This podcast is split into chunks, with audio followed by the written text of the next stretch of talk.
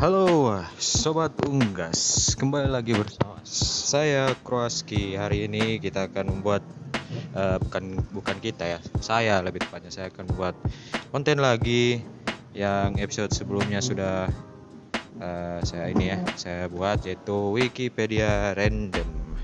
Kali ini Kita akan Mencoba Wikipedia Random ini di tempat yang sangat banyak mobil dan motor. Jadi uh, saya minta maaf jika kalian mendengar suara-suara yang berisik. Uh, kayaknya ini saya sudah ulang-ulang terus ya, tapi ya saya tidak bosan-bosan mengulang uh, kalimat ini karena siapa tahu aja ada uh, pendengar atau uh, ya ya itu pendengar uh, channel saya yang baru masuk dan dia nggak tahu uh, soal apa nih kok muncul suara-suara kayak gini suara-suara motor mobil ganggu banget gak profesional di channel gitu ya. Jadi itu tadi saya sudah bilang ya. Saya uh, uh, minta maaf kalau misalnya kalian mendengar suara-suara motor atau mobil. Tuh oke jadi kita mulai aja. Ini uh, eh wikipedia uh, wikipedia musa wikipedia random start dan yang muncul adalah uh, artikel SMA Negeri 81 Jakarta. Oke. Okay. Jadi katakan di sini uh, mana ini artikelnya? Nah ini kok kenapa halo? Sebentar, sebentar, sebentar. Uh, nah ini dia nih. Uh, tadi yang uh, ada kata halo itu saya baca kayak semacam kata pengantar di awal artikelnya ya. Tapi sebenarnya bukan itu awal awalan artikelnya. Ini nih nih, ini yang awalan yang benar. Sekolah Menengah Atas Negeri 81 Jakarta atau SMA Negeri 81 Jakarta adalah sekolah unggulan di Jakarta Timur. Sekolah ini pernah menyandang status RSBI, Rintisan Sekolah Bertaraf Internasional. Sekolah ini merupakan SMA terbaik di Indonesia urutan ke-11 menurut nilai UTBK 2021. UTBK apa? Nggak ngerti saya. Ya silakan di Google aja ya bagi kalian yang tidak tahu UTBK itu apa. Oke, jadi sejarahnya seperti ini. Sejarahnya keberadaan SMA Negeri 81 berasal dari Sekolah Teladan Laboratory School atau kurang kurung lab school yang didirikan oleh Institut Keguruan dan Ilmu Pendidikan eh, atau IKIP Jakarta. Nah, Sekolah ini terdiri dari TK, SD, SMP, SPG, dan SMA. Nah, ya, wow, ada SPG-nya, nice. Berdirinya sekolah ini berdasarkan surat keputusan SK Direktur Jenderal Perguruan Tinggi nomor 3 garing 1968 pada tanggal 20 November 1968. Pada eh, pada mana? Oh maksudnya maksud saya pada eh, sekolah ini pada awalnya digunakan sebagai tempat praktik mengajar mahasiswa IKIP Jakarta penelitian eh, dosen dan inovasi pendidikan. Pada tahun 1972 Lab School mendapat tugas dari Departemen Pendidikan dan Kebudayaan untuk melakukan uji coba konsep baru dalam pendidikan tentang comprehensive school. Nah, eh, saya baca sampai situ dulu ya. Jadi ini SMA Negeri 81 Jakarta ini sebenarnya adalah uh, lab school gitu ya, semacam lab school yang didirikan oleh IKIP uh, Jakarta. Dan sekolah ini uh, seperti yang saya sebut sebelumnya tadi terdiri dari TK, SD, SMP, SPG dan SMA. Jadi sekolahnya mirip-mirip ini ya, sekolah tempat saya uh, ya bersekolah dulu ya di SD lebih tepatnya. Uh, jadi SD saya itu ada siapa itu yang teriak-teriak? Uh, sorry ada eh, suara-suara yang teriak.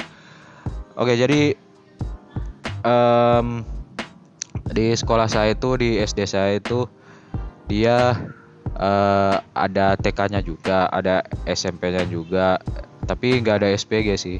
Cuma ada sampai SMA gitu. Jadi ya sama kayak SMA Negeri 81 ini. Tapi yang di SD saya itu dia tidak lab school ya. Setidaknya setidaknya dari pengetahuan saya gitu. Oke lanjut. Berdasarkan surat keputusan nomor 0217 garing 5 garing 1986 tanggal 21 Januari 1986 Pemerintah mengalihkan pengelolaan sekolah ini kepada kantor wilayah Depdikbud DKI Jakarta dan selanjutnya berganti nama menjadi SMU Negeri 81 Jakarta menempati gedung baru di Jalan Kartika Eka Paksi KPAD eh KPAD KPAD Jatiwaringin Kalimalang Jakarta Timur sampai sekarang dan berdasarkan SK Kepala Dinas Dikmenti Provinsi DKI eh, Jakarta nomor 017 garing 2003 SMA Negeri 81 Jakarta ini ditunjuk menjadi sekolah plus Provinsi DKI Jakarta yang mengemban tugas antara lain menjadi Agent of Excellence untuk sekolah di sekitarnya dan tingkat provinsi. Hasil kelulusan memiliki tingkat keberhasilan yang tinggi untuk masuk ke perguruan tinggi. Oke, jadi ini uh, SMA Jakarta 81 bisa dibilang SMA yang ini ya yang cukup apa sih istilahnya? Ya pokoknya bergengsi lah. Jadi bisa kalian uh, simak sendiri. Tadi saya bilang di situ memiliki tingkat keberhasilan yang tinggi untuk masuk ke perguruan tinggi. Oke di sini ada ini ya. Kita lihat sarana pembelajarannya. Jadi ada beberapa sarana pembelajaran yaitu kelas dengan pengatur suhu darah enak bener ya. Kelas di waktu SD saya nggak ada kayak gitu-gitu. Uh, kelas dengan pengatur suhu udara. Kemudian ada laboratorium biologi laboratorium fisika laboratorium kimia laboratorium bahasa kantin wait wait. Oke okay, kita stop dulu sampai situ. Ada yang saya mau kritik. Ini saya uh, yang saya bacakan tadi adalah sarana pembelajaran kantin kantin sarana pembelajaran. Hey siapa yang nulis artikel kantin adalah sarana pembelajaran kah? Apakah di kantin biasanya orang wah saya ingin meneliti berapa butir nasi kuning yang telah saya beli. Masa gitu? Ya maksudnya kan dia eh, sorry ini saya agak ini ya agak protes dengan artikel ini ya maksudnya masa ini masuknya kan di segmen ini kan di bab sarana pembelajaran. Masa ada kantinnya? Dek, berarti yang nulis ini berpikir kantin itu sarana pembelajaran juga kan? Gitu ada siswa masuk ibu saya beli pisang goreng gitu. Buat apa? Buat eh enggak enggak sih mana ada yang nanya pisang goreng buat apa? Di kantin gitu. Ya ya itulah itulah itu kalian bisa uh, apa nilai sendiri keanehan dalam memasukkan kantin ke sarana apa ke bab sarana pembelajaran gitu. Ibu beli pisang goreng. Nah saya ulang lagi kan contohnya. Ibu beli pisang goreng. Ya ini nah dikasihkan pisang gorengnya. Bukannya dimakan saya ingin meneliti kapasitas minyak dalam pisang goreng ini. Masa gitu? Aduh tolong jangan uh, tersinggung ya bagi uh, siapa pun yang menulis artikel ini. Saya bukan bermaksud untuk merendahkan anda tapi ya itu agak aneh aja gitu naruh kantin di bagian sarana pembelajaran. Oke okay, uh, eh, selanjutnya laboratorium komputer. Kemudian ada laboratorium internet Kemudian ruang audio visual, ada perpustakaan juga, LCD proyektor di tiap kelas dan OHP di tiap kelas. Nah, ini saya nggak tahu nih OHP ini apa ini. Ya ini eh, di sekolah saya itu, oh my god, Tuh, sorry ya kalau misalnya kalian dengar suara motor. Ini podcast yang benar-benar sangat profesional ini. Mohon dimaafin ya guys. Kemudian uh, ada berikutnya yaitu sarana penunjang pembelajaran. Nah, kalau tadi sarana pembelajaran uh, termasuk di dalamnya ada kantin ya. Nah, sekarang ada penunjang pembelajaran. Penunjang pembelajaran itu yang pertama adalah UKS, kemudian ada aula, kemudian ruang kepala sekolah, ruang wakasek, ruang guru, ada Masjid Al-Quds, nah itu masjid mereka ya. Ada ruang kapel Protestan Katolik, greenhouse, ruang aeromodeling, ruang tata usaha, ruang penggadaan, ruang data SAS, ruang gudang, ruang pengurus OSIS, ruang musyawarah itu enak. Bener nih lengkap bener ini mereka apa eh, gedung-gedung mereka gitu. Ruang pengurus OSIS, ruang musyawarah perwakilan kelas, ruang radio sekolah, ruang sekretariat eskul, dua lapangan basket merangkap lapangan bulu tangkis dan lapangan voli. Buset kantin nah nah ini ini baru masuk kantin. Sarana penunjang penunjang pembelajaran. Ya karena seperti yang kita tahu makanan itu menunjang kita supaya lebih bisa belajar lebih lama. Bukannya ditaruh di sarana pembelajaran. Oke lanjut. Ini ada kemudian lapangan parkir kemudian ada fasilitas wifi atau uh, itu hotspot Oke sebelum uh, saya lanjut lagi ke pembahasan berikutnya saya mau bahas ini apa gedung-gedung mereka ini sumpah enak bener mereka ya. Gedung-gedung mereka lengkap saya nih di uh, apa di SMA saya. Nggak gak usah di SD di SMA aja. Di SMA saya itu nggak ada greenhouse men.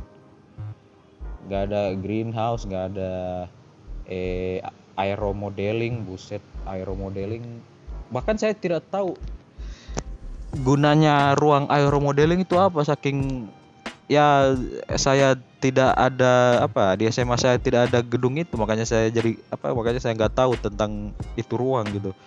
Ruang aeromodeling kayaknya keren banget tuh ruang. Aero ya pokoknya yang yang bunyi-bunyi apa yang ada kalimat atau kata-kata aero itu kayak kayak keren banget gitu ruangannya. Itu ruangan apa sih? Bagi kalian yang sekolah di sana ya SMA Negeri 81 Jakarta mungkin bisa ngasih tahu di komen di bawah. Hebat mereka ini. Ada ruang radio sekolah. Ra radio ada ruang sendiri men. Di sekolah saya SMA itu bahkan nggak ada ruang radio seperti itu yang kita tahu radio ya radio yang radio kayak yang 175 FM gitu yang gitu-gitu. Kalau mau dibuat ruangan sendiri aduh. Pokoknya hebat nih hebat. Ada banyak ruang-ruang tambahan yang menunjang uh, pembelajaran mereka gitu. Kemudian uh, lanjut lagi kita bacakan ini prestasi-prestasi siswa siswa-siswa SMA 81. Dikatakan di sini prestasi siswa-siswi SMA 81 cukup banyak. Uh, terdiri dari prestasi akademik dan non akademik. Jadi ada uh, mereka mempunyai prestasi sebanyak. Ini ada listnya ya. Uh, ada 36 uh, list untuk prestasi akademik dan kalau untuk non akademik dia um, mereka mempunyai 42 uh, eh, penghargaan gitu. Wow. That's really awesome. Ada ya saya nggak akan baca semua ya soalnya kebanyakan ini. Pokoknya mereka ada kalau di akademik pokoknya ada matematika. Lomba matematika tuh juara 3 tahun 2004 lomba bahasa Inggris juara 3 lomba pidato bahasa Jepang juara 1 ada seleksi olimpiade kimia juara 1 seleksi olimpiade astronomi juara 2 ya pokoknya itu. Ya itu kalau akademik ya. Kalau non akademik ada lomba band remaja juara 2 lomba MTV Sky School. Apaan tuh lomba lomba MTV Sky School? Ya pokoknya itulah. Ya kayaknya berhubungan dengan musik ya. Ada MTV-nya itu kemudian ada uh, dance competition hukum fair UI nomor satu New Corner Jakarta Dance. Juara satu waduh. Ya pokoknya banyak lah. Ada lomba paski braka juga lomba band. Tahun 2012 juara satu. Ya pokoknya mereka memiliki banyak prestasi. Kemudian uh, apa lagi ya OSIS, OSIS SMA 81 Jakarta beranggotakan seluruh siswa yang terdaftar sebagai siswa SMA Negeri 81 Jakarta dan mengacu pada anggaran dasar dan anggaran rumah tangga OSIS. Uh, ya itu sama sih kayak uh, OSIS di kayak kebanyakan SMA gitu di Indonesia. Ada beberapa seksinya itu ada ketakwaan uh, seksi 1 sampai 8. Ya saya tidak akan baca itu karena uh, ini ya karena terlalu ini terlalu mendetil. Ya bukannya bagus ya kalau mendetil. Ya maksudnya uh, saya agak kurang tertarik ya jadi kita lanjut aja. Bahkan ada ini dong sampai nama kabinet buset nih sekolah. Hebat bener nama kabinet osis ada nih Satya Dikala menjabat tahun 93 94 Gatra Caraka dari 94 95 udah kayak ini udah kayak kabinet menteri ada namanya gitu. Hebat sekali mereka ini. Oke kayaknya uh, segitu ya untuk uh, SMA 81 Jakarta. Kalian memiliki uh, memiliki sekolah yang bagus ya bagi kalian uh, siswa-siswa SMA 81 Jakarta yang lagi dengerin podcast ini sekarang kalian uh, beruntung sekali memiliki SMA dengan ruangan yang seperti itu. Karena di SMA saya nggak terlalu lengkap ruangannya. Itu yang yang itu ruangan aero aero gitu. Hebat sekali itu terdengar terdengar sangat cool men. Aero modeling waduh. Itu apa ada angin gitu ditangkap disuruh modeling itu ada. Ya saya nggak ngerti ya oke kita lanjut ke artikel berikutnya dari Wikipedia random. Ini adalah uh, setelah saya klik yang muncul artikelnya adalah Parala Miodor Kadion Skimidi Oppo atau ini? Parala Midio Skimidi jadi ya ini kalian uh, coba tulis ya. Kalau misalnya kalian penasaran dengan uh, apa yang saya baca coba tulis ya jadi uh, hurufnya begini. P A R A L A M I O D O R C A D I O N Paralimiodorkadion kemudian skimidinya itu S C H M I D I skimidi. Itu. Apa ini sebenarnya ini? Dan artikelnya uh, untuk ini dia sangat singkat sekali. Jadi ini uh, sejenis klasifikasi ilmiah ya. Uh, sejenis uh, oh ini klasifikasi kayak binatang gitu. Jadi uh, si Paralamidior Kadion skimidi ini skimidi ya mungkin dia dari Jawa ya ini spesiesnya ini karena ada skimidi ya ada ada medok-medoknya dikit dari kerajaan Animalia, filum Arthropoda, kelas Insecta, ordo Coleoptera, famili Cerambicidae, genus Paralimidorcadion. Nah, jadi kita baca sama-sama apa uh, yang dimaksud dengan skimidi ini skimidi ini. Paramediocardion skimidi adalah spesies kumbang tanduk panjang. Oh, iya sih saya sudah uh, baca tadi kelasnya insekta ya udah jelas serangga ya kumbang tanduk panjang yang tergolong famili Cerambicidae Cerambicidae ya, ya saya tidak tahu pronunciasi yang tepat Spesies, spesies ini juga merupakan bagian dari genus Paralimiodorcadion, ordo Coleoptera, kelas insekta, filum ya itu tadi.